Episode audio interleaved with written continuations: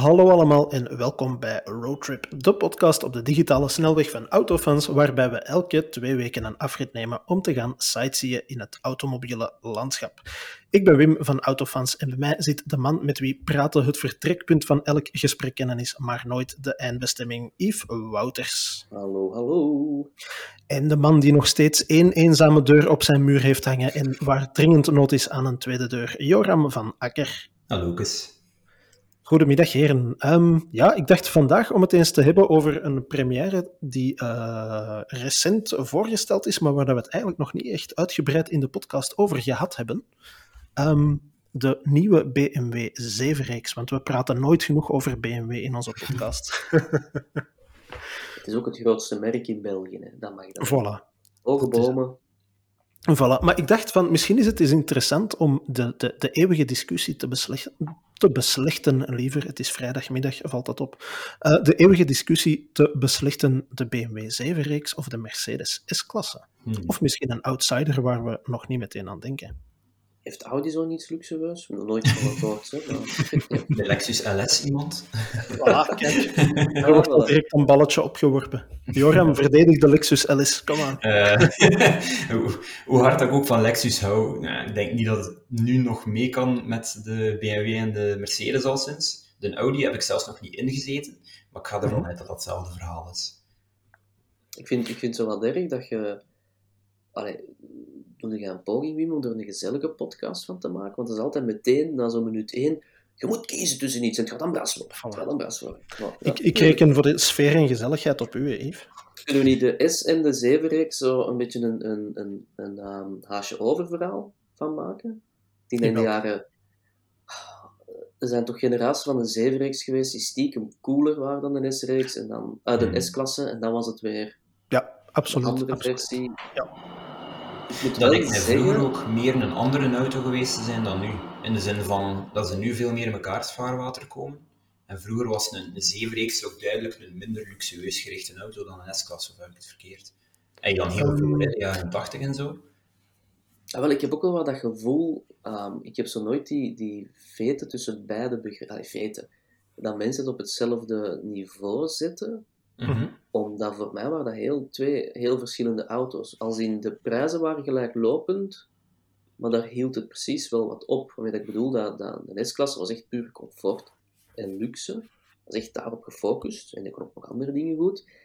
En de 7 is voor mij echt nog altijd een grotere, meer luxueuze 5-reeks. Mhm. Op elke goede manier van die uitspraak. Omdat als je daarmee rijdt, heb je ook het gevoel dat je met een het rijden bent, niet met een hele grote auto.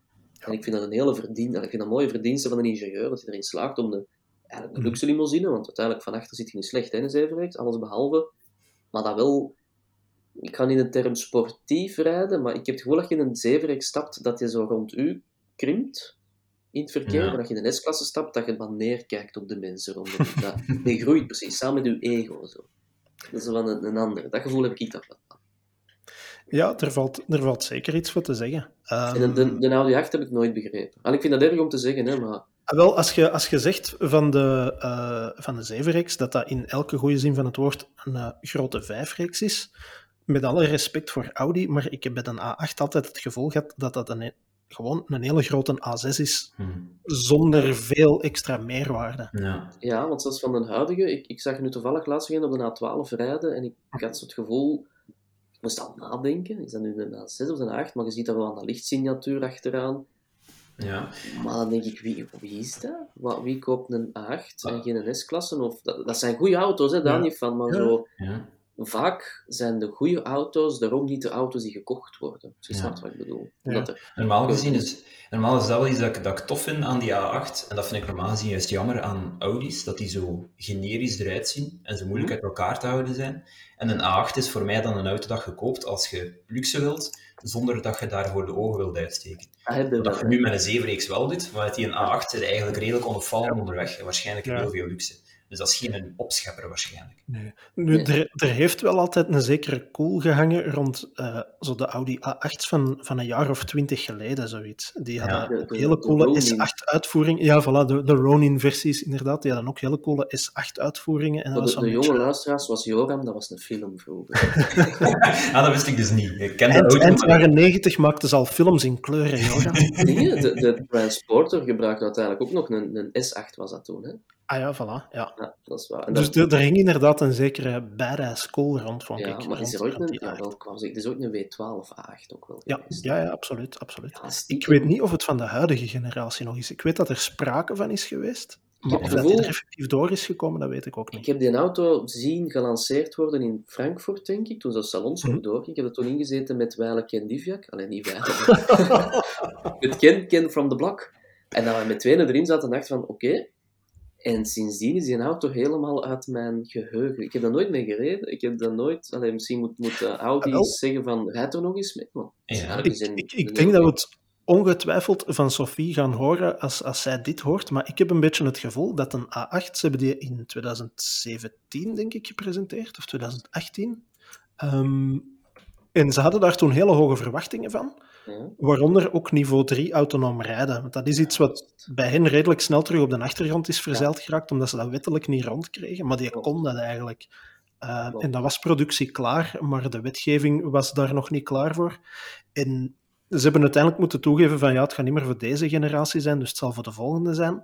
Maar ik heb het gevoel dat ze bij Audi dat A8-segment een beetje links laten liggen of, of, of daar minder in geïnteresseerd zijn. Waarschijnlijk om, om veel meer op elektrificatie te gaan inzetten. Maar dat zij nu zoiets hebben van laat de Mercedes'en en de BMW's van deze wereld het maar uitvechten. Wij gaan iets helemaal anders doen met onze Urban Sphere, ja, Sky Sphere, Lounge Sphere concepts en zo. ik weet ook niet goed wat dat de marge op die auto's zijn voor die constructeurs. Want dat, daar kruipt heel veel geld. Het zijn prestigemodellen. Nu, Audi mm kan dan afschrijven, of de Volkswagen Groep, over meerdere merken. Want Bentley heeft uiteindelijk ook. Dat is een acht. Allee, ja, laten we eerlijk zijn, daar is niks mis mee ik weet niet, ja, pakt Audi dan de meeste marge op de 8? Ik weet het niet, tegenover Mercedes. Of, dus, dat is heel, ik vind dat, dat luxe limousine segment iets heel raar. En ik denk dat ze ook allemaal denken, we verkopen gewoon SUV's als soort. Dus ja, wat, waar moeten we nog zwart op focussen? Nu, ik moet wel mhm. zeggen, compleet, heeft er niks mee te maken, maar ook wel. Um, een van de redenen waarom je zeker nooit naar mij moet luisteren.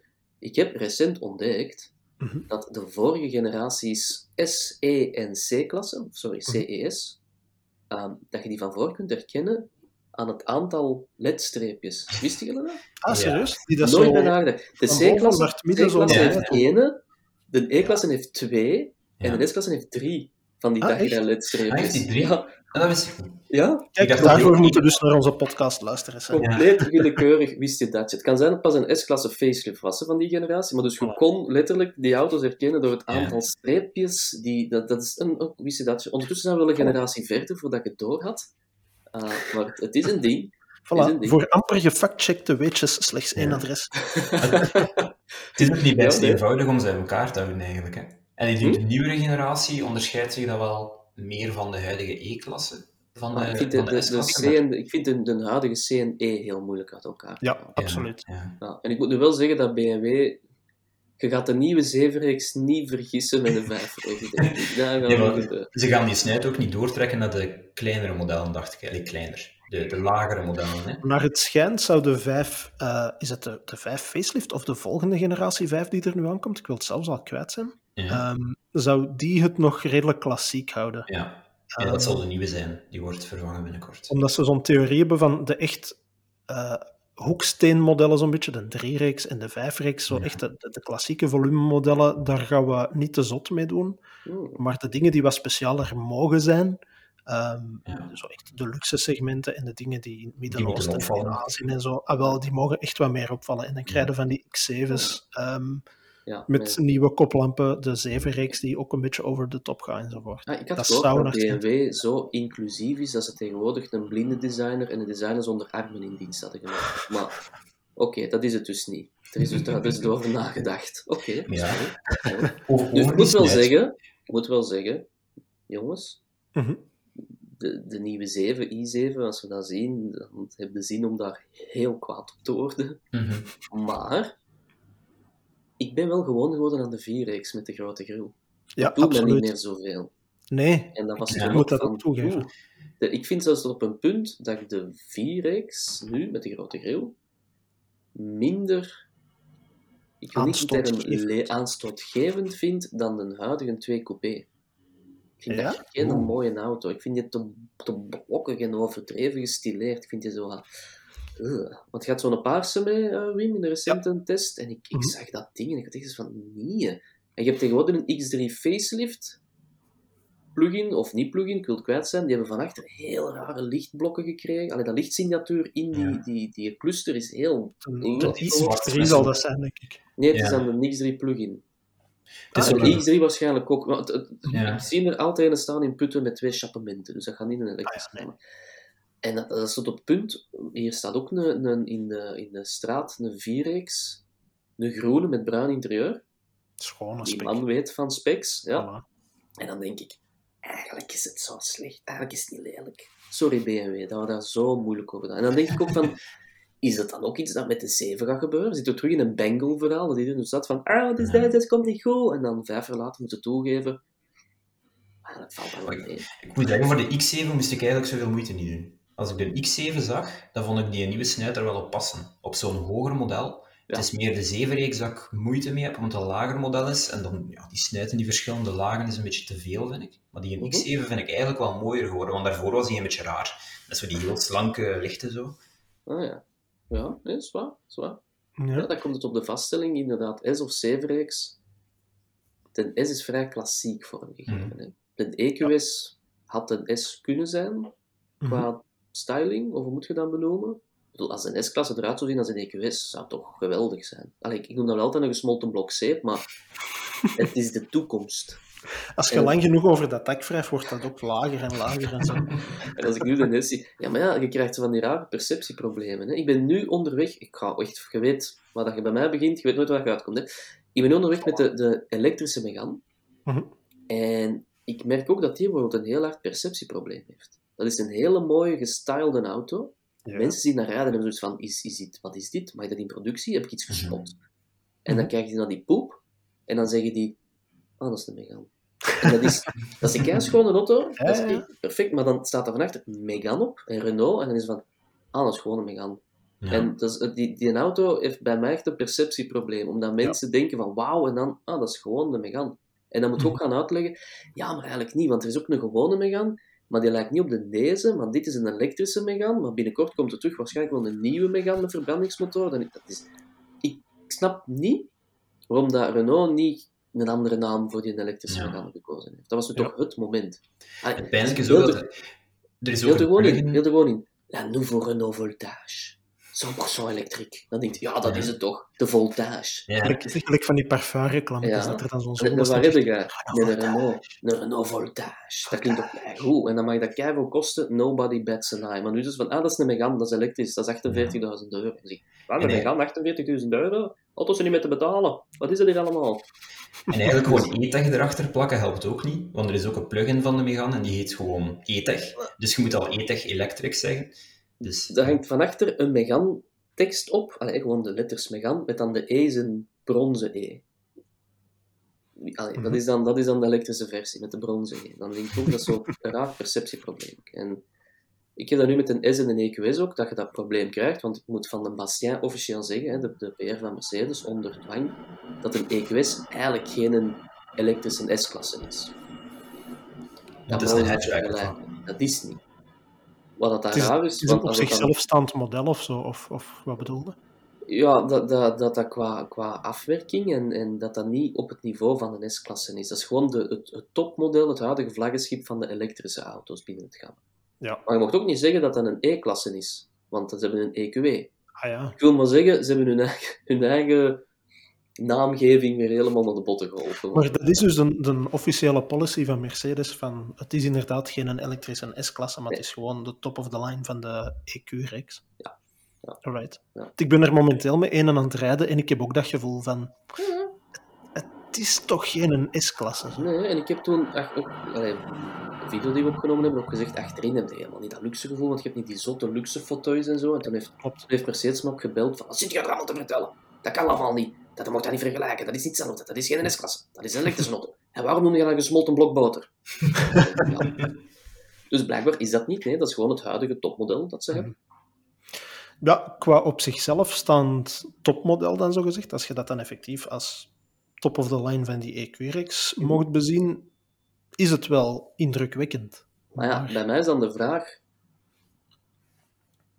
mensen gaan dat sowieso vergelijken met een i7. Hè, mensen die iets van auto's kennen door EQS S mhm. en i7 7, dat zijn de topmodellen van, van, het, van de merken, die gaan dat vergelijken. En ik denk wel dat hoe polariserend de looks van de i7 die achterbank stukken indrukwekkender gaat zijn, en zoals je tableau van voor misschien, ja. dan de, de EQS. Ja, ja, al is het maar voor die cinema dat daarin zit. Hè. Die, ja, BMW Theater Screen die dat eruit uw plafond anders zeggen.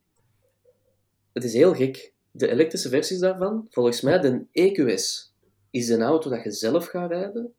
En een i7 is een auto waar dat je in gaat laten vervoeren. En dat is eigenlijk omgekeerd tegen wat het altijd geweest is. De S-klasse was voor met chauffeur en de 7 was om zelf te rijden. Maar nu is dat precies omgedraaid in de elektrische landschap. Nu, wat dat voor mij subjectief altijd een grote doorslaggevende factor is, en ik weet niet of de nieuwe 7-reeks het ook heeft, maar de EQS heeft het alleszins niet.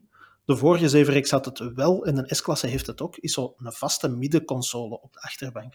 Ik vind dat een waanzinnige cool hebben en dat heeft mij altijd al gefascineerd. En dat is zo de dealbreaker tussen het is een oké auto en het is een coole auto. Als er twee afzonderlijke zitplaatsen zijn met zo'n middenbeuk tussen. Oh, en dan liefst zo van houten inleg, dan midden. En als je dat openzet, van die klaptafels. Klaptafeltjes. Niemand, niemand, gaat dat ooit gebruiken. Niemand. Maar gewoon om dat te hebben. En je draait dat open en dat klikt echt goed. Dat voelt solide aan. En dan, dan heb je precies het gevoel dat je zoals Joram op, op reis gaat, of allee, op persreis gaat met een chartervlucht. heb je een speciaal gevoel, zo. Dat je niet eens zoals het plebs op reis gaat. Ja, niet in de reis aan te schuiven, eigenlijk. Nee, ja, voilà. voilà, Ja, dat, dat, dat, was destijds ook mijn eerste kennismaking met een S-klasse en waarschijnlijk heeft het daarom ook de indruk nagelaten, omdat ik nadien ook pas met de 7 en een Audi A8 heb gereden, maar ik denk dat dat een jaar of negen geleden gaat zijn. Uh, de vorige generatie, toen dat die werd gelanceerd met een S500L. En die had dus inderdaad de middenbeuk, de klaptafeltjes, de gordijntjes om uw ramen af te schermen. Zo alles erop en eraan, die zachte kussentjes van achter. En dan dacht ik van ja, ja, dit is alle auto wat je ooit gaat nodig hebben. Ja, dat is wel een het enige wat er mankeerde, en ik weet dat Joram mij direct gaat bijtreden, was zo een vaste telefoon. Ja, echt zo'n gewoon met zo'n draad aan. Ja, een, met een gekrulde draad. ik heb ooit eens een uh, Toyota Camry gereden die ook zo'n middenconsole had. Dus een armsteun die je kon neerleggen en dan kon je stoelen ook bedienen in een Toyota Camry. Dat vond ik eigenlijk het coolste dat er is. Sindsdien wil ik graag een, een Camry, maar... Oké. Oké, iedereen zijn afwijking. Voilà. Enfin, ik wil maar zeggen, wie mogen we ons, uh, ons S- en 7-reeks... Voelt u gelukkig? Heb de... Ja, ik, ik wou eigenlijk nog één ding weten. Je had het er straks heel even aangehaald, maar ik denk van ons drie zei jij ook de enige met die ervaring, maar je uh, had het heel even over Bentley. Uh, jij hebt met de Flying Spur gereden, denk ik. Hè? Onder andere, ja. Hoe viel dat mee? Of, of waar zouden die daarin in, in het hele luxe segment plaatsen? Is dat effectief, zo gezegd, zoals de marketing ons wil doen geloven, nog een half trapje of een trapje hoger? Of is dat een, cru gezegd, een Audi A8 met een, uh, met een dikkere lederen aankleding? Allee. Wel, Wim, ik zal je laten weten dat ik ook het geluk heb gehad om de nodige Rolls Royces al te hebben kunnen ah, Kijk, voilà, het wordt alleen maar beter, jongens. Ja, ik, ik moet zeggen, um, en dat gaat heel detail klinken of klinken, mhm. ik weet het niet. Maar een van mijn grootste teleurstellingen ooit in het autolandschap, buiten een Mitsubishi Allspace Space Star, dat was echt moeilijk, um, was voor mij een Rolls Royce. Omdat het imago dat daarop gecreëerd is, ik snap het. Mhm. Ik snap het, 100%. Maar als je zoals ons het geluk hebt om ongeveer alle auto's in de wereld te kunnen rijden, en je stapt daarin, heb je niet het gevoel dat dat zo speciaal is. Ik, ik zal het anders zeggen. Als je met een 16 oude Corsa rondrijdt en je stapt dan in een Rolls Royce, dan denk je van, oh mooi, wat is dit? ik, ik had dat gevoel nu niet. Ik vond mhm. dat... ik, ik en, en, en, waaraan lag dat? Was dat de, ik vond de aankleding toch? Of was dat de rijbeleving? Of, ik denk dat, dat voor mij zijn de Rolls Royces... Ik weet niet, nu heb je al nieuwe modellen, niet echt, hè, die blijven hetzelfde teren. Zo heel klassiek van dashboard. Mhm. Dat stuur is flinterdun, dus echt het omgekeerde van BMW, wel grappig is, want hetzelfde groep. Dat stuurgevoel is non-existent. Ehm, dat is echt een boot. Hm. En dat is goed geïsoleerd. En weet je, waarschijnlijk elk stukje metaal dat daarin zit, of houtinleg, of komt waarschijnlijk van een of andere exotische boom, of, of weet Ja. ik wat. Hè. De, de materialen zullen extreem duur zijn. Hè. Mhm. Maar mij doet dat niet direct iets. Dan denk ik, als dat nu goed afgewerkt is met gewoon metaal, of afgewerkt is met edel gebrushed metaal dat door een laser besneden... Nee, besneden klinkt raar. Ja, en ik had dat met Bentleys ook. Dat, dat zijn heel comfortabele, grote auto's. Maar zowel bij Rolls-Royce als bij Bentley, en dat is denk ik de afwijking die jij dan ook hebt, Wim, heb ik elke keer het idee gehad van, kijk mannen, ik heb zo, weet niet hoeveel jaar geleden, mijn eerste keer een S500L gereden, een grijze. Dat is exact hetzelfde volgens mij. Waarschijnlijk was het met zwart leer van binnen. En ik heb sindsdien ook zoiets van, eigenlijk heeft nog niets dat overtroffen. Mhm. Ze zijn niet slechter, maar dan denk Ja. ik gewoon altijd van, die NS-klasse toen gaf mij datzelfde gevoel. Dus waarom zouden twee keer of drie keer zoveel betalen? Ik Ja, snap pas op, zo'n S-klasse op die manier aangekleed kwam toch ook al wel aan 200.000 euro, denk ik. Ja, Dus- maar zo'n een Flying naar- Spur begint volgens mij aan 240. En dan heb je nog geen hout inleggen. Ja. Ehm, en geen vloermatjes. Die trouwens van hoogpollig Dan heb je gewoon zijn. traanplaat of zo. de Johnny Edition. Allee, en, en ja, hm, ik, ik, ik snap dat die auto's volgens mij vooral teren op die exclusiviteit. Mhm. Je betaalt gewoon een stuk meer, dat is een beetje het Monaco-verhaal. hè. Je betaalt veel meer voor zo'n crappy appartement daar, voor die exclusiviteit, om te zeggen, ik heb een appartement in Monaco. En de personalisatie waarschijnlijk. Als je zegt van, En ik wil leer wil- in smurfenblauw, dan krijg je leer in smurfenblauw. En ik wil geen afbruik doen aan Bentley en Rolls-Royce, want dat zijn waarschijnlijk heel interessante auto's voor sommige klanten. Mij doet dat gewoon niks. En ik heb ook het gevoel, door het geluk te hebben om met zoveel auto's te rijden, dat... Ja, ik, ik, ik vind dat allemaal zo speciaal niet.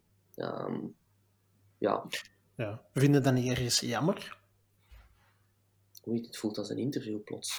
Vind ik dat... Ja, Vind ik vind dat een interessante vraag, want ik, heb af en toe ook al zo, zoiets van die zeggen. bedenkingen gehad. En dan dacht Ik van, eigenlijk is dat wel jammer, want niet iedereen krijgt die kans om dat te doen. En Ja. Ja, bij Ik mij zit die dat- magie er nog wel in, al sinds. ja, Joram, we zijn hier bubbels aan het doorprikken dat geen naam heeft. Hè. Ik denk dat je op termijn je job te pragmatisch aanpakt. En ik Mhm. kan me inbeelden, als je een bedrijf kunt opricht en dat begint goed te gaan, en je zegt tegen je vrouw van, later als we rijk zijn, wil ik in de Rolls Royce. En je hebt eigenlijk dat geld verdiend en je gaat bij Rolls Royce binnen en je wordt er dus op de bespookafdeling ontvangen en je hebt een, een persoonlijke assistent dat u begeleidt naar het samenstellen van uw auto. Ja, dat gevoel, dat is dat geld waarschijnlijk wel waard. Hè? Je hebt dan echt het gevoel van, ik heb hier echt iets unieks, ongelooflijks gekocht. Ja. Maar puur, allee, laat ons ook eerlijk zijn, elke auto heeft ook rubberen banden. Dat is niet ineens dat dat beter... Allee, snap je? Ik bedoel, de kern van die auto's zijn wel wat dezelfde dingen. Hè? Ik bedoel, allee, je hebt een, een S-klasse met een V8, je hebt een Rolls-Royce met een V... Ja, uiteindelijk zijn het allemaal... Snap je? En, en, maar ik begrijp wel dat dat voor sommige klanten wel een prestigeverhaal is en, en een soort van, ik kan het mij nu permitteren en ik geniet van die aandacht en die... Ja. En, ja, ik, ik heb dat gewoon niet. Je m'en fous. Ehm, Mhm. Maar dus ja, vind ik dat erg? Nee, ik vind dat niet erg. Ik krijg het warm van een Dacia Jogger. Voilà. Nee.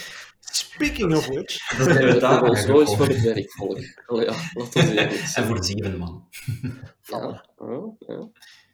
Maar heb je een Dacia Jogger met zo'n vaste middenconsole van achter? Nog niet.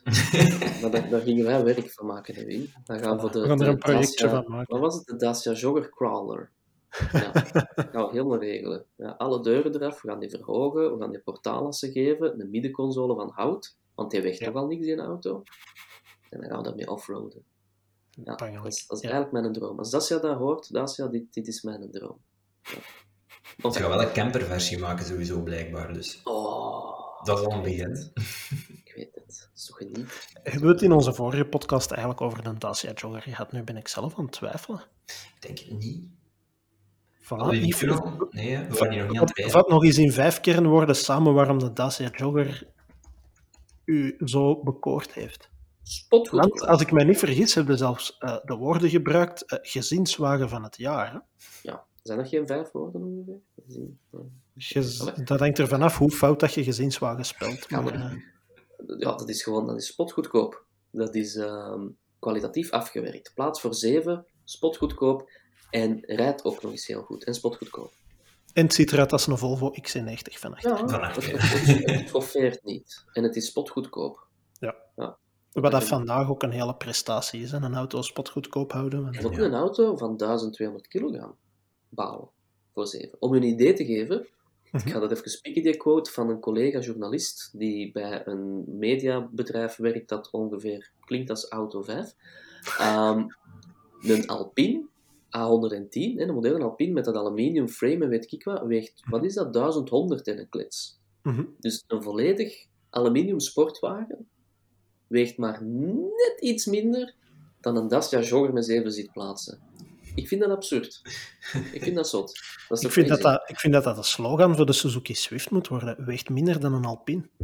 Ja, voilà. Dat zijn zo'n 925 kilo en ik kan hier waarschijnlijk heel veel shit voor krijgen dat ik dat nu heb gezegd, maar... Dat is niet waar, nee, maar dat is toch? nee, maar dat is een sport, hè. Die is er wel... Kunnen... En je zou dan kunnen zeggen, ja, maar zo'n Alpine, oké, maar dat heeft een V6 of een V8 erin liggen. Nee, hè? Wat is dan een ja, 1800 viercilinder? Ja, Dat is gaat gewist. En een sport ook. Ja, dus, voilà. voilà. Ja. Nu, allee, ik zal wel eerlijk zijn, waarschijnlijk heeft zo'n Alpine wel wat betere um, wishbones en weet ik wat, dan een Dacia. Maar ja, kijk. Wel, de Alpine heeft wel het, exact hetzelfde infotainment systeem als een Swift-sport. Toch?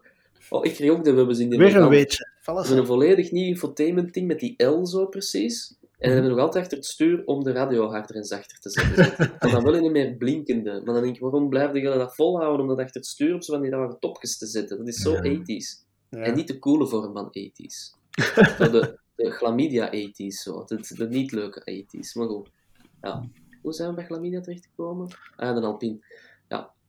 Voilà. Maar de, de, heeft een jogger ook niet zo dat, dat telefoonhoudertje op het dashboard? Dat is ja. ook, ook, een Dacia-feature waarvan ik denk, oh, had dat niet een beetje properder kunnen zijn? Ah, nee, ik vind niet dat jullie Allee, twee erover mogen praten. maar... Ik vind niet dat jullie twee erover mogen praten. De twee mensen die graag ooit een auto willen hebben met een geïntegreerde telefoon, je krijgt al een houder, steekt daar een telefoon in, laat je steken en je hebt inderdaad een telefoon dat vast zit in een auto. Hè.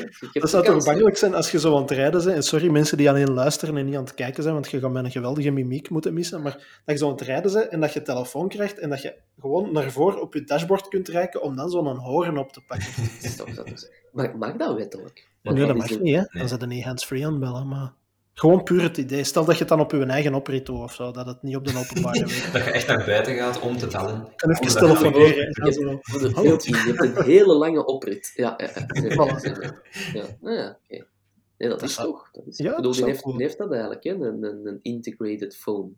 Je moet hem er zelf wel nog op insteken. Maar je moet zelf de phone providen, maar... Uh... Ja, dat is gelijk dat je bij BMW waarschijnlijk zo... Voorziening voor geïntegreerde telefoon, 7000 euro. Dus, ja, de, de, optie voorbereiding voor. Ah, ja, het is geweldig toch, hè? Ja, ja dat is echt... Het is zo'n een, een Holland term, hè? voorbereiding voor. Ja. En daar moeten dan voor bijbetalen en voor het effectieve product moet ook bijbetalen. Ja, dat is de draad betalen en dan product betalen. En over voorbereiding voor uh, gesproken. Mm -hmm. Joram, met wat ben jij momenteel onderweg eigenlijk? Uh, oh, interessant. Met een uh, Sangyong Corando Emotion. Daar gaat het meer over moeten vertellen. dat is uh, de, de, eerste elektrische auto van Sangyong ooit. En die zijn daar heel trots op. En dan hebben ze die de meest emotionele naam gegeven ooit. Um, wat voor mij een beetje, ja, een beetje jammer is. Belangrijkere vraag heeft hij blauwe accenten. Ja, hij heeft, ja, hij heeft echt 2003-waardige blauwe accenten. Het is overal. De, de spiegelkappen zijn blauw. Um, zo onderaan de, de, de ja, namaak-stootstrip dat je normaal gezien onder SUV's hebt, is zelfs blauw. Um, dus alles aan die auto is... Het interieur is blauw. Zo van dat, van dat vintage blauw eigenlijk, dat dashboard. Ja. Ja, ja, ze mochten hem waarschijnlijk niet meer Blue Motion noemen, hè, sinds dat ze... Ah, ja, maar ik vind... precies ook met Dieselgate niet meer doen. maar ik vind het raar dat ze hem E-Motion mogen noemen, want was Fisker daar niet mee gaan lopen? Die had toch ook een Fisker E-Motion dat ze ooit Maar ja, dat is uiteindelijk Fisker Dat is failliet gegaan en dan is dat ehm, Karma geworden en dan hebben die de Karma Revo op de markt gebracht. Dus ik weet niet, die Emotion naam is volgens mij ergens verdwenen along the way. Ja, dat kan. Ja. Wat aan mij vooral stoort aan die Sangyong Emotion is ehm, die gat lelijke wieldoppen die erop staan. Ja. Het is dat ik, denk dat, ik denk dat velgen zijn echt, maar ze zijn echt heel... Het zijn heel kleine velgetjes. Ik denk dat dat zo een plastieke... Die, ze hebben eigenlijk zo het, het, idee gehad, ze hebben eens gekeken naar de elektrische auto van ver, en gezien van, wow, die hebben aerodynamische velgen. En dan, dat moeten we misschien ook doen. En dan hebben we gezegd, hmm, maar ja, dat kost wel 20 cent meer per auto. Gaan we zien wat een AliExpress heeft liggen. Want dat zijn echt we hebben hier nog die... wieldoppen van de, van de Rodius liggen. Dat zijn echt zo van die wieldoppen die je verwacht op een, een, um, een Suzuki Splash van een, een 70, 80-jarige vrouw die zo nog naar de markt af en toe rijdt ja. met een rothoken. Zo. Dat zijn zo van die doppen. Zo van op de Ik had toch straks ja, eens moeten kijken of ze eraf kunnen of niet. Ik zou die eraf trekken. Wie weet wat voor mooie velgen. Die, die zwarte vijfspaaksvelgen dat je altijd ziet als mensen in de, uh, de fake, uh -huh. uh, de fake velg kwijtraken. Ik denk en beter is en niet minder aerodynamisch. Want als je die velgen ziet, ik weet niet dat jij ze kent, Wim. Dat ik heb net een foto gegoogeld. Dat dus, zijn echt van die rare bobbekes. Mm -hmm. Ja, ik weet niet wat dat is. En heel klein ook, ja. ja. Het, het, ziet er inderdaad heel plastiekerig uit. Ja. Zo. dat is geen echte velg. Dat kan niet. Dat maakt mij niet. Ik trek ze eraf. Sleur ze oh. eraf, joh. kan eens kijken. Je hoeft het ons te zeggen. Ja, Alvast excuses bij Sang, jong. Nee, ja, dat is echt maar dat ik dat gezegd Zo met één wiel eraf. Voor de rest, ik heb die maar heel kortstondig gereden. En, en Wim ook, denk ik. Mm -hmm. die naast elkaar met mondkapje zelfs nog weer? Ja, ik, dat was op de gezinswagenverkiezing. En ah, uh, ik kwam aan en jij zei: uh, No time to explain, get in the car. En ik ben direct ingestapt. Dus, uh... ja, ja, dat is ja. Want Joram heeft van u ook nog altijd dat, dat welkomstmuziekje dat je Oh ja, ja. nee, nu niet meer. Um, dus de volgende journalist zal mij dankbaar zijn. Um, ja. Ik heb echt een kwartier zitten zoeken in, in al die menus om er zoveel mogelijk van de muziekjes uit te halen. het enige dat ik er niet uit krijg, is dat als je de laadkabel erin steekt, dat er zo'n ja, waarschijnlijk een Koreaanse dame zegt charging. Um, nee. Dat is, ja, dat is zo het enige dat je... En dat is echt van buiten, hè. Dus die zegt dat aan de buitenkant van de auto. Um, maar om duur was dat wel een beetje, een beetje schamelijk om je rond te rijden als je naar een bakker gaat en je doet hem toe en die speelt een Koreaans muziekje en dan laat ja, je dat gevolg die overal die in auto. Oh, ik had een, een heel huiselijk gevoel wel. Ik had toen, het, ik had toen het, het, probleem, als je daartoe wandelde, we begonnen zo een lekker muziekje om je goed te laten voelen. Ik stapte in en dan stond er echt gewoon zo, wat was het? Um, guest one of user one. Zo gewoon niet persoonlijk aangesproken. Maar het zou wel cooler zijn mocht een auto dan in het vervolg zeggen: charging, user one. Ja, je kunt dat zelf in, invullen. Ik moet wel zeggen, joh, die Megane E, hoe moet je dat eigenlijk noemen? Die elektrische Megane, mm. die heeft dat dus ook hard. En ja, dat weet ik niet meer. Met de, met de Cruise-control op, ook eens rustig in de instellingen gegaan. En je kunt duizenden verschillende muziekjes binnen en buiten. En zelfs um, de, als je traag rijdt, hè, zo de, de waarschuwing, hoe, noemt dat? is zo'n officieel moeilijke naam. Maar als je onder de 30 rijdt, moet een auto, ja. auto zo'n deuntje. Hè. Je kunt kiezen naar drie. Dus je kunt dat zelfs al instellen, Tesla gewijs. Hè. Je kunt verschillende deuntjes kiezen. En die verschillen compleet. Dus je kunt zo compleet verschillende deuntjes. En dan als je een auto toedoet en wegstapt. Vroeger deed zo'n een, een, een, Renault zo, miep, miep. Weet je dat je dat ja. nog kent? Zo'n digitaal bliepje bijna. Ja, zo, ja. ja, wel, gedacht dat dat al digitaal was. Nu is het echt precies of je zet zo een of ander, ja, een tablet af of zo. Zeg dat is maar dat is grappig, want je, je, associeert dat niet met een auto. En dat is echt laat. Je wandelt weg en dat is precies heel laat. Of je zet je computer af, of je zo... Boom, boom, precies zo'n Windows-ding dat zo iets zo wilt updaten. Zo. En dan, je ziet mensen dan ook even kijken van, is dat een telefoon? Maar dat gebeurt bij auto's ook vaak. Hè? Allee, bij, bij elektrische zeker, of met al die over-the-air updates. Als je dan toekomt en je zet hem af, dat je dan nog krijgt van, ah ja, er is een software-update beschikbaar. Zo. Nu ja. installeren of uitstellen. Of... Bij mij stond erbij, um, doe dit enkel als je zeven minuten tijd hebt. Ja, wel, ik had onlangs de Model Y, ik had die net afgehaald en ja. um, ik had exact hetzelfde. Ja. Nu is zo update, uh, je hebt zoveel tijd nodig, je mocht een auto twee uur niet gebruiken. Dus ja, als je een auto afsluit, dat je dan ineens zo'n waarschuwing krijgt van er zijn zoveel updates beschikbaar. En volgens mij gaat echt binnenkort zo de melding krijgen van sluit uw auto nog niet af. Maar doet Tesla dat niet, doet Tesla dat niet s'nachts? je daaruit dat je die melding gekregen hebt? Of moet je dan toestemming geven? je kunt dat waarschijnlijk uitstellen. En ik vermoed dat de vorige um, ontlener van de auto die zal uitgesteld hebben, hmm. omdat hij gedacht zal hebben, uh, hier heb ik geen tijd En dat was bij die Tesla dat je dat had? Ja, wel. Ik, ik kwam daarmee thuis van Aartselaar, dus van hem net af te halen. En ik kreeg ineens al de melding van, ah, kijk, de volgende software update is available. Dus uh, als je hem ah, ja, installeert, okay. duurt het zo lang. Ja, ik heb het al gezien op andere auto's ook. Ook niet-elektrische, dat er zoiets opkomt. Ik moet toegeven dat ik meestal ook wel op uitstellen duw, zo'n beetje hmm, in, de spirit van, het is niet mijn auto, dus... maar uh, ja... Ja, maar wat zien ze op die... we het daarover hebben, Wim en Joram. Ik heb nog een voor de defenestratie. We het hebben over dingen die je kunt uitstellen. In, allee, nu, hè. ik wil nu gedefenestreerd worden. Hè. Alright. Dat is goed. Ik heb een andere afsluitvraag voor straks. Dus uh, de, defenestreer away stel ik er achteruit meer. Hè. Het is een defenestratie dat jullie daar, alleen nee, daarmee om kunnen of niet. Dan gaat de spiegel naar beneden om de stoeprand te tonen, zodat je er niet tegen rijdt. Mhm. Maar alleen de linkse. De rechtse? Nee, bij de Megane alleen de linkse. Dus oh, daar hebben nu Hoe is dat? dus ik, ik parkeer achteruit in, mhm. aan mijn zoon zijn schooltje. En daar ligt inderdaad zo'n houten balk op zijn, want mijn kind gaat naar een natuurschool. En uh, de bosmens die hij is.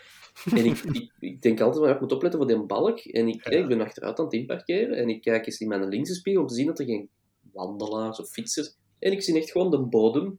En dat, dat die spiegel was naar beneden gedraaid. En ik heb dat nergens teruggevonden in de instellingen. Hoe dat je dat kunt aanpassen. Dat is inderdaad raar. Ja, dat enkel de rechtse is gebeurd ja. maar. Maar, Ja, en dat vind ik soms ook wel enerverend. Hè, want, wel, mijn follow-up question op straat is dat iets waar jullie baat bij hebben? Maakt jullie dat gelukkig dat die spiegel dan naar beneden klapt? Nee. Stiekem in Gent wel. Um, Ja, ik heb zo al een paar, het is gelukkig lang geleden, ik heb het nog niet meegemaakt hier, maar ik heb al een paar keer een perswagen moeten terugbrengen met toch lichte stoeprandschade aan de velg. Um, omdat ze hier in Gent werken met van die borduren die echt zo genadeloos hoog zijn. um, dus als je daar dan een klein beetje met je band tegen zit, dan is je velg direct om zeep. Ja, ja, ja. Dus ik vind dat wel leuk als je een auto dat doet. Maar het is inderdaad vervelend als je gewoon wilt achteruitrijden in de straat zonder dat je borduren in je buurt hebt. Dan ziet je ook geen steek. Ah, wel, dus, toen, ik, toen ik nog in Berchem woonde, ik woonde in een enkel richtingstraat en dan had ik daar ook niks aan, want mijn huis was uh, vanuit de rijrichting bekeken aan de linkerkant. Dus als ik dan moest parkeren en mijn ah, rechterspiegel zakte, ja, dan had ik daar helemaal niks aan. Ja, wat ik me afvraag aan dat verhaal, zelfs als je dat hebt en je parkeert in aan een hoge borduur, mhm. dat, dat gaat naar beneden, mm je gaat het indraaien, wat, wat zie je dan meer? Je ziet die stoeprand. De positie van je uh, achterste velg ziet je eigenlijk meer. Hè? En dat helpt echt om gemakkelijker in te parkeren. Ja, ik vind dat wel. Als je echt naast de stoeprand moet staan, ja. Oké. Oké, nou, ik oordeel niet over uw parkeerskills, hè, hoor. ik stel alleen vast dat er al uh, stoeprandschade is. Ja, Wim. Ja. Ik geef wel toe, ik ben extreem slecht in parkeren. Als in, ik sta altijd zo ver van de rand, nog. Dus ik denk altijd van, amai, dat was net. Hè, niet, niet, dan stap ik uit, zo'n stuk ervan, de halve straat. En dan denk ik, Goed genoeg. Ik heb liever als mijn spiegel eraf rijden dan. Ja. kun je naar, dan kun je naar een automerk gaan en zeggen, ja, iemand heeft de spiegel eraf gereden. Kan gebeuren, hè. Maar stoepbrandschade heb je zelf gedaan. Hè, hoor. Dat zelf gedaan. Je kunt beter half op straat zetten dan op je zijkant eraf ik, ik neem die tip mee. ik, ik vind dat toch nog altijd... Allee, ik ga hout vasthouden, want het is al even geleden, maar ik vind dat toch nog altijd ambetant dat je zo'n auto moet terugbrengen en moet zeggen... Ik heb ermee tegen een bordeur gezeten. Ja, ja, dat is echt zo een, een, kleine walk of shame toch even. Dat was ook met een, met een tweede perswagen ooit. Oh. En dat was dan nog... Dat was het ergste van al. Dat was een uh, smart... dus het kleinste dat je eigenlijk kunt hebben om te parkeren, heb ik het stoeplandschade aangereden. Oeh, je hebt, je hebt die niet dwars geparkeerd? Nee, het was een 4-4. Ah. Dus dan kan dat niet. wie, wie het kleine niet schoffeert. Hè. ik heb dat ook voor gehad. En dat vind ik heel erg, want ik heb eigenlijk nog maar relatief weinig hout. Stoeprandschade gereden, en mm -hmm. schade ook goed, maar goed. Ehm, ik heb dat ooit voor gehad met dus, ik wou heel graag eens zo'n Genesis rijden, maar de, de, de sedan, hè, de limousine van, van Hyundai. Um, maar ze hadden eigenlijk niet in het park, behalve de PR van Hyundai, reed daar zelf mee, als car. Ik voel hem aankomen. Dus ik was er gaan afhalen. En ik ja, maar allez, je, pak hem eens mee. Pak hem een verlengd weekend mee. Of alleen vrijdag tot zaterdag, whatever. Uh, vrijdag tot maandag, hè, goede vriendjes. Um, dus ik denk, ah ja, dan kan ik dat eens rijden. Hè, voor te zien is dat echt een S-klasse, een Koreaanse S-klasse. Ik ga die ophalen. Ik woon toen nog in Rums, dus is, importeur is kontig. Dat is maar vijf minuten. Ik kom thuis en ik parkeer mij rechts op de, aan de straatkant. En echt letterlijk tijdens dat parkeren, ik weet niet wat mij bezielde. Hè. Ik ben gewoon aan het parkeren en echt gewoon... Ik weet niet wat ik aan het denken was. En ik heb echt gewoon heel die voorkant, allee, die, die velg, voorvelg gewoon geschoffeerd. Het, het probleem is ook, vanaf dat je dat geluid hoort, is er niks meer wat je kunt doen. Ja. Nee, Dat is echt gewoon nee. ondergaan en wachten Ja. tot het gedaan is. Hè? Want je kunt niet stoppen, die opheffen Nee. en een beetje ver- weg. Ah, wel, het is dat, je, moet- je staat vast, dus ofwel moet je teruggaan en dan hoor je terug, ofwel moet je voortgaan en dan maakt het erger. Dus, Ik heb dat wel volgens mij nooit verteld. dus William, als je luistert, het was Yves. Ja, ik denk dat ik dat nooit gezegd heb. Dat, dat kan niet. Dat kan niet, want ik zeg altijd zelfs de kleinste dingen. Maar ja, Ja, dat wel, ik doe daar- dat ook. dat er daar eigenlijk geen veiligheidssystemen voor zijn. Tegenwoordig heb je voor alles eh, die veiligheidssystemen. Ook als je achteruit rijdt, heb je al van die botspreventiesystemen, maar dat je eigenlijk geen Ja. systeem hebt dat ervoor zorgt dat je niet tegen een borduur kunt rijden. ja, je hebt dat bij Wat, dingen, wat hè, moet dat dan zo- doen? Moet dat dan een, eh, een remsysteem zijn? Of moet dat dan een systeem zijn waardoor Ja. dat uw auto ineens zo de borduur opwipt? ja, ja, zoiets. Maar ik vind dat ook, dat is ook een kei simpele oplossing voor. Volgens mij hebben sommige automodellen dat al. Hè. Dat zijn gewoon de banden. En je hebt echt modellen waarbij dat die band Ja, een stuk breder is. En ik denk zo dat Ja. dat een Ja. term heeft, dat is curb protection of zo. Dat zijn die ja. banden hebben of zelfs zo'n scherpe rand dat eruit komt, gelijk zo. Ja. En dat zorgt ervoor dat je eigenlijk tegen die band dan zit en niet Mhm. op de velg. Of dat je op zijn minst dat voelt. Hè, dat je er gewoon toch. En dat je niet die Ja. velg raakt. Dat bestaat. Maar natuurlijk, ja, van die pilot sports, die hebben dat niet, want rubber en gewicht en efficiëntie. Mhm. Maar ja, ik denk dat dat echt wel bestaat, hè, zo side protection. Dus de banden moeten dat oplossen. Ik denk dat ook een andere oplossing is als iedereen natuurlijk een, SUV koopt met 32 inch ehm, band velg combo, is dat probleem ook wel opgelost. Ja, Ja, meestal, maar hebben dan, meestal hebben ze dan nog altijd zo'n grote velgen dat de tirewall zelf maar, maar redelijk klein is. Dus, ja. Of zijn ze zodanig breed dat wanneer dat je een parkeergarage inrijdt, dat je dan zo half over de bareel, dingen, Ja. zo dat stoepje aan een bareel rijdt? Dat, was letterlijk de tweede keer dat ik uh, velschade gehad heb. Dus, uh, Dat heet in inderdaad de ehm, Tire Rim Protector. Ah, Ja, voilà. Kijk. Dus eigenlijk ligt het aan de, de persdiensten die de verkeerde banden op die auto steken. Kunnen we het daarop Ja, steken? ja. Veel beter. Het, het ligt gewoon niet aan ons. Ja, Voilà. nee. We zijn professionele chauffeurs.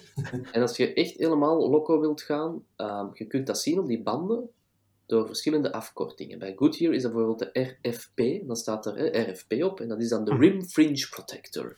En Mhm. bij Dunlop is dat de MFS, en dat is de Maximum Flange Shield. Shield? Shield, dat klinkt nog cooler. Bij Continental is de FR, dat is de velgenrippen. Oké, Continental velgenrippen. ja, Ja. is Continental Duits? Geen flauw idee. Ja. En bij. Pirelli heet het gewoon Cord. Voilà. Oké. Heel simpel zijn. Voilà. Is dat zo? Op, En of, opnieuw, weet nogmaals, je, kijk. gewoon de pick-up kopen. Dus we hebben vandaag al geconstateerd dat er eh, afkortingen zijn voor velgbeschermers. En we hadden ook geconstateerd, ah ja, het aantal ledstreepjes Ja, bij En, Mercedes. en, en er was Wat? nog iets, maar dat ben ik al vergeten. Dus. Dat er onder de Zo. Sanyong-velgen van de Joram... Allee, nee, onder die lelijke wieldoppen mooie velgen zitten. Ik wil eigenlijk een foto, de voor en na. Ik vind van de nog Instagram... Van de Instagram, want dan is het voor... Dan, is, dan, is, dan zit je, dan zit je allee, content aan het maken, hè, Joram. Ten behoeve van uw volgers. Ja, maar voor de Instagram moet je echt een voor en een na. Ik wil dat gewoon eens zien. En dan moeten mensen ehm, daarna zeggen wat ze het liefst zien, wat het mooiste Ja. is. Ik Ja, dat wat dat erger dan, ik niet dat dat erger is dan een auto terugbrengen met velgschade, gewoon zonder velg, maar oké. Dat is niet zonder velg. Die Zonder liggen in de koffer. Kan gebeuren, hè. Allee, ik bedoel, laat ons eerlijk zijn. Oké. Nu, we hebben nog wel een belangrijke vraag niet beantwoord. Hè. Wat, vond, wat, wat vinden van die auto tot nu toe? Hmm. Ehm, tot nu toe is eigenlijk, is eigenlijk een goed, ja, goed suffix daarbij. Eh, want gisteren zei ik dat ik er niet echt van was. En dat gebeurt als je met een auto een week rijdt, achter een paar dagen plots begint iets dat te groeien op je. Ehm, want het is niet de, de coolste auto om naar te kijken, en dat merk ik ook aan de mensen rond mij. Ik denk niet dat ze denken van, wauw. Ehm, Hier, hier rijdt een E-Tech voorbij. of een emotion. Hè.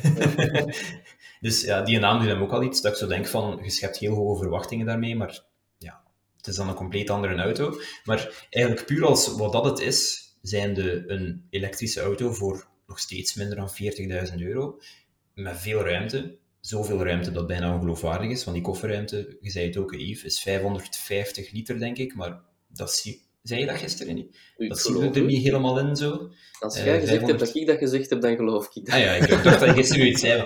Op papier is dat 550 liter en als je naar in de koffer kijkt, denk je van, is dat 550 liter? Dus ik weet nog niet hoe dat is dat precies. Ja, pas op, de, de, Tesla Model I heeft zo gezegd 800 en zoveel liter aan kofferruimte, maar ik denk dat ze daar gewoon heel de ruimte boven uw hoofden, achteraan en vooraan ook mee rekenen. Daar krijg je ook wel iets in, ja. Maar ik vind dat hij op zich wel... Het is, het is geen onaangename auto. Het is geen slechte auto. Mhm. Ja. Oké. Okay. Alright. Ja, cool. Nog meer de Megane E-Tech, Yves, is dat, wat vind je daarvan tot nu toe? Ik was al aan het denken over een scout-titel.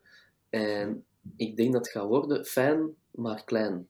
Ik denk dat we klein maar fijn Omdat ik, ik vind dat eigenlijk de mooist afgewerkte Renault sinds jaren. Mhm. Ik vind dat hij een heel veel digitale geluidjes heeft, maar zelf heel analoog rijdt, in hoeverre dat dat nog kan. Die ophanging is geweldig. Dat voelt ah, als een heel stijf, stabiel chassis, mhm. dat ook heel comfortabel is. En ik vind hoeveel, altijd goed. heb je een idee van hoeveel dat hem weegt? Nee, genoeg, denk ik. Kan er eens uh, dus je voelt dat hij, dat hij ja, maar dat heb je veel bij echte elektrische auto's. Hè. Die accu is gewoon een, onderdeel van de structurele stijfheid. Dat is een hele stijve auto. Maar mhm. niet op een slechte manier dat het on, onhandelbaar wordt. Het is heel goed gedempt. Ehm, dus ik vind op die vlakken is dat echt een geweldige auto. Wat ik dan gek vind, voor een merk dat al tien jaar toch de Zoe bijna verkoopt, dat is al geen tien jaar, is gewoon, die heeft amper geluidsisolatie. Als je sneller dan 50 rijdt, hoor je de hele tijd naast je oor de wind. En als je de radio opzet, heb je dat niet. Dat is waar. Maar ja. alleen, voor de test zet ik altijd de radio af in de auto en moet je allemaal van die hard metalcore luisteren, zoals de wind. Um, dan denk ik, ik ga deze gewoon laten passeren. dat is nu toch spijtig. Dus dat heeft hij. En daarnaast toont hij ook weer heel mooi aan, want ik heb zo de, I don't know hoe dat, noemt, hoe dat hij noemt, de, 60-versie met de, de, de fast charging ding. Ik denk dat 220 pk of zo. Joram, ja, 218 of zo. Mogen zijn. Zo, hoeveel? 218, dacht ik. Ah, ja, zo 220, ja. 218, voilà, op een goede dag.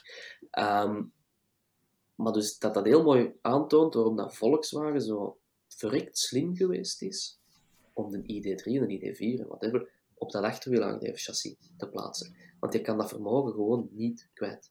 Gisteren was het niet zo goed weer en je stond in eco-modus en dan rijd je echt op een soort van baksteen dat je moet duwen om vooruit te gaan. Maar als je dan de kickdown doet, die slipt gewoon weg. Mm -hmm. die, auto kan... En je hebt merkt die dat heel goed controleren. En ik ga me niet sluikreclame maken, bijvoorbeeld MG is daar heel sterk in.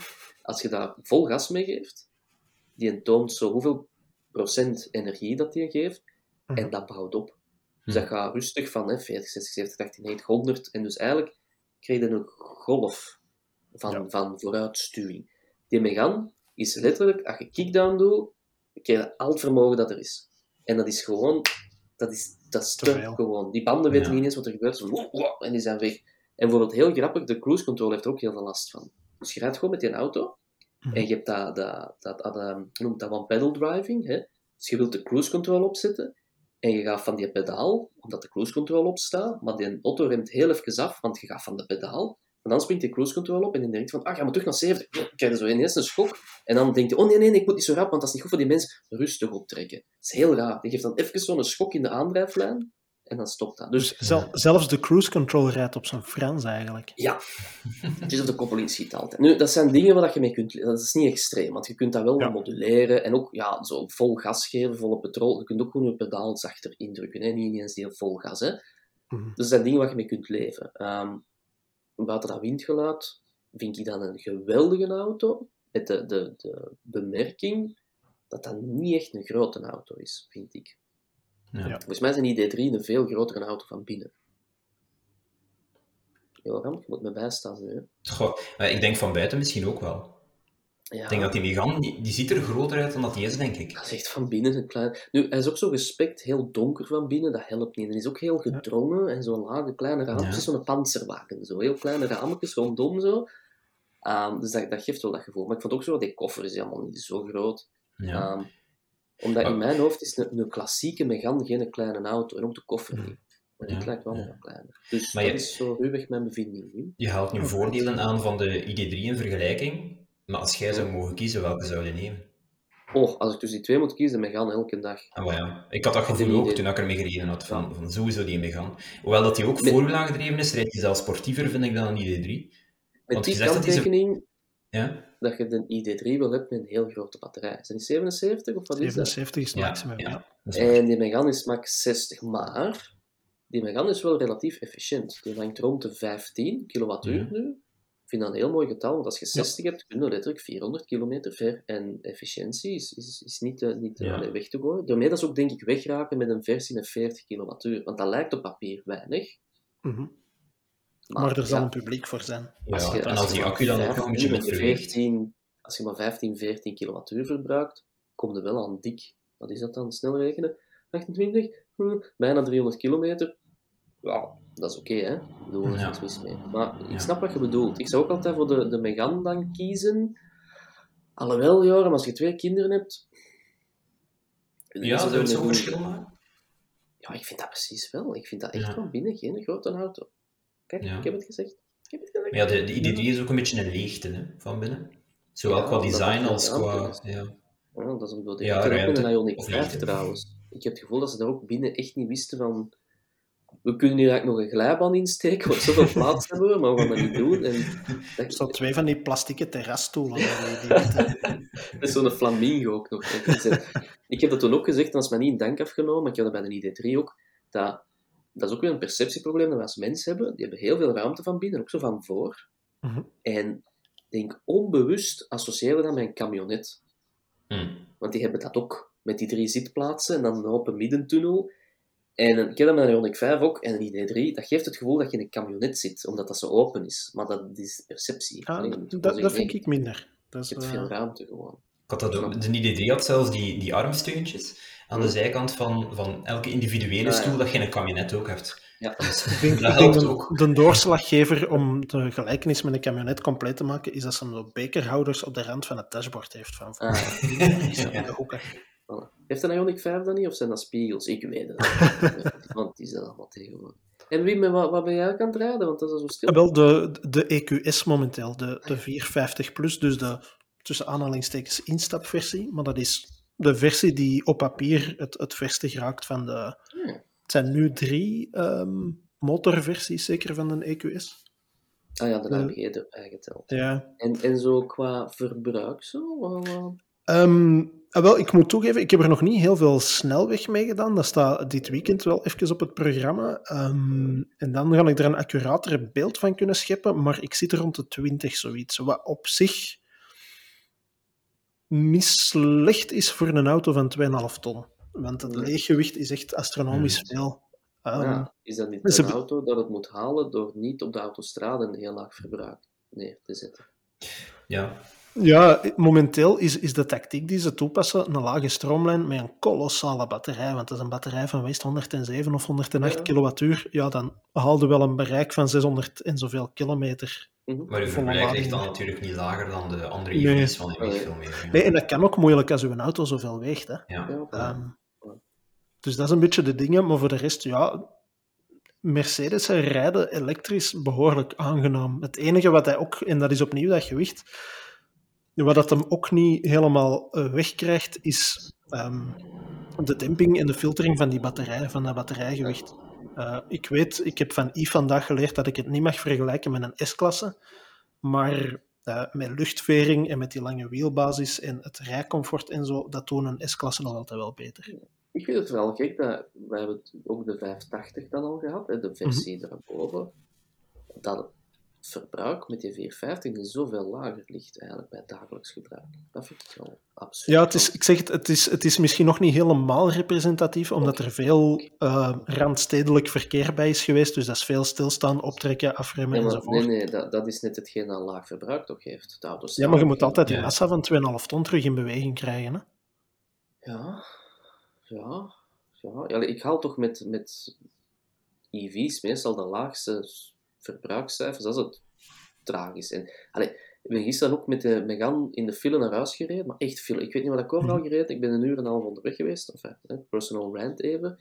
Ehm, veel stapvoetsverkeer op de autostrade. En ik zat dus aan die, wat was dat, 14 en een klets? Mhm. Of heb ik uiteindelijk doorgestuurd? Ik weet niet. Dan denk ik, ja, volgens mij een 120 op de autostrade zou een stuk meer geweest zijn. Dus ik vind dat, dat een, een goede elektrische auto in een stedelijke omgeving met veel stop-startverkeer echt wel onder de 17 moet kunnen. Ja. Hm. ja. En ik vind Dan dat doet mijn emotion dat ook net niet. Zo, ja, in stad merk een goede elektrische auto. Als je die velgen haalt, als je die wieldeksels eraf haalt, dan gaat hij dat wel halen. Shit, dat is gewoon geen slechte elektrische auto. Nee, voilà, dat is oké. Dat is Ja. oké. Voilà, Ja. ja, dat is goed. Nee, cool. Wel, ik ben vooral benieuwd ook wat dat een eh, EQE, want die staat binnenkort bij ons op de testplanning, ehm, hoe dat die zich daar tegenover gaat verhouden. Want dat Ja, kan ja. misschien wel de interessantere worden, omdat die ook minder kolossaal is, ehm, maar wel volgens dezelfde principes werkt. Je Dus ziet er van binnenuit als een C-klasse dan. Als je de logica moet volgen. Je moet dat niet vergelijken met een E-klasse. Dat is eigenlijk een C-klasse. Huh? Huh? Ja. we zoeken het uit tegen volgende keer. Eh, jongens, voordat we eh, finaal afsluiten, misschien toch nog even om terug te grijpen naar waar we deze aflevering mee begonnen zijn. De, kiezen jongens, de S-klasse, de 7-reeks of een van de andere concurrenten, zoals de Lexus LS, de Maar Bentley de, Flying de Spur. huidige versies, ooit, vroeger, Maakt, maakt niet uit eigenlijk. Ehm, het Hmm. is namelijk een gigantisch grote trekking van de Euromillions vanavond. Dus stel, je wint en je moet een van de huidige of vorige generaties kopen van een auto in dat segment. Welke wordt het? Ja, met- mijn probleem is dat ik te veel naar karakter van auto's kijk. Dat, is, En dat kan een probleem zijn, dat kan een kwaliteit zijn. Ja, dat Ik, weet, ja, ik weet niet wat het probleem is, maar ik heb vorig jaar met de, de Lexus LS gereden. ehm, Mhm. En dat bleef mij wel enorm bij, omdat dat karakter mij bevalt. En van die hybride aandrijflijn ook, en die een 3,5 liter V6 dat erin ligt. Ik vond dat gewoon een, een ouderwetse, simpele, aangename luxewagen. Ehm, Ja. Die totaal niet in de buurt komt qua rijcomfort van een S-klasse en qua technologie. Maar dat karakter zit er wel in. En dat doet voor mij veel. Dus ik zou dat misschien toch nog nemen, ook omdat het wel nog wat goedkoper is dan een S-klasse. Ehm, ik vind de nieuwe S-klasse persoonlijk niet zo'n mooie uitziende auto. Die straalt niet zoveel uit, vind ik. Bij- Bij mij heeft hem maar moeten groeien. Ik vond de vorige een hele schone, dat was een hele barokke auto, Ja, van buiten en ja. van binnen. De, de huidige is heel, heel zakelijk en heel strak Ja, geworden, maar Simpel heeft wat moeten groeien. Ja, ja, ja, de vorige vind ik veel mooier. Dus misschien zou ik de vorige eerder nemen dan de huidige, omdat die technologie mij ook niet zoveel doet. Ehm, dus ja. Ja. maar ja, iets als een Lexus LS vind ik altijd.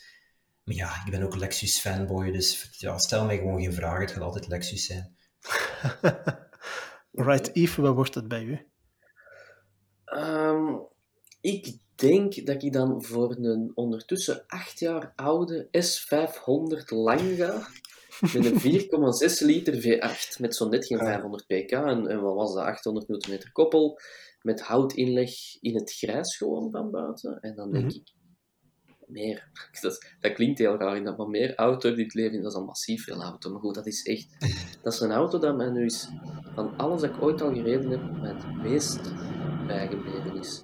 Ja. En het gekke is dat eigenlijk die auto op de parking van de IKEA gefotografeerd is destijds. Ehm, het zijn wel mooie foto's, hè. Moet iedereen eens die test, eh, moet de retro-test eens terug gaan opzoeken. De S500 lang van auto. Wel, ik, kan, ik kan dat zoiets eens doen, want ik, ik vraag me nu oprecht af of het dezelfde is als degene waar ik destijds eh, toen ook mee heb gereden. Dat moet zijn. En, en close second is een S500 Coupé. Ja. Ook een geweldige auto. Eigenlijk S-klasse. Ja, ik, ik ga voor S-klasse. Denk, denk Ja, mij is close second, mij is een close second dat wel de Toyota Camry met een, eh, een eh, achterbank die je kunt neerleggen elektrisch. ik, ben, ik ben helemaal pro in zo afschuwelijke auto. Nee, nee, hoe moet ik dat zeggen? Onnozel auto's, want ik heb er zelf alleen maar op de oprit staan. Maar als het echt voor de, de prestige zijn, dan ga ik voor de S. Ja, sorry. Dan, ga ik niet zoiets raads verzinnen. Dat mag echt gewoon het beste van het beste. Als beste oder niets, dan, dan mag het zijn. En Ja. jij, wie? Ja, jij bent met mijn grijze S-klasse gaan lopen, Ja, ik dat dus dat is. ik ga denk dat ik delen. voor de, de, de zevenreeks van eind jaren 90, dus vlak voor de Bengal zevenreeks, Hm? met de verlengde wielbasis, Ja. met de vaste middenconsole, Hm? met een telefoon met de gekrulde Mm, ja. draad. En dan waarschijnlijk in zo donkerblauw of donkergroen met beige zetels. Zo'n 760 Li, of wat was dat toen? Een 750, dat was de V12, ik- de 750 Li. LI. Ja. Van eind jaren 90, zoiets. Ja. Ja. ja. Oké. Ja, dat wordt ja, leuk. We kunnen ook gewoon samenleggen voor de NS-klasse, dan komen we misschien. ja, wat zou dat nog kosten? Jij mocht een intro doen, ik ga ondertussen zoeken wat dat kost, onze S-klasse. Alright, we zullen het uh, weten te vertellen tegen de volgende aflevering. Dit was een roadtrip voor deze week. Bedankt aan iedereen die geluisterd en of gekeken heeft. Wij zijn er over twee weken opnieuw met een nieuwe roadtrip. Tot dan. Dag.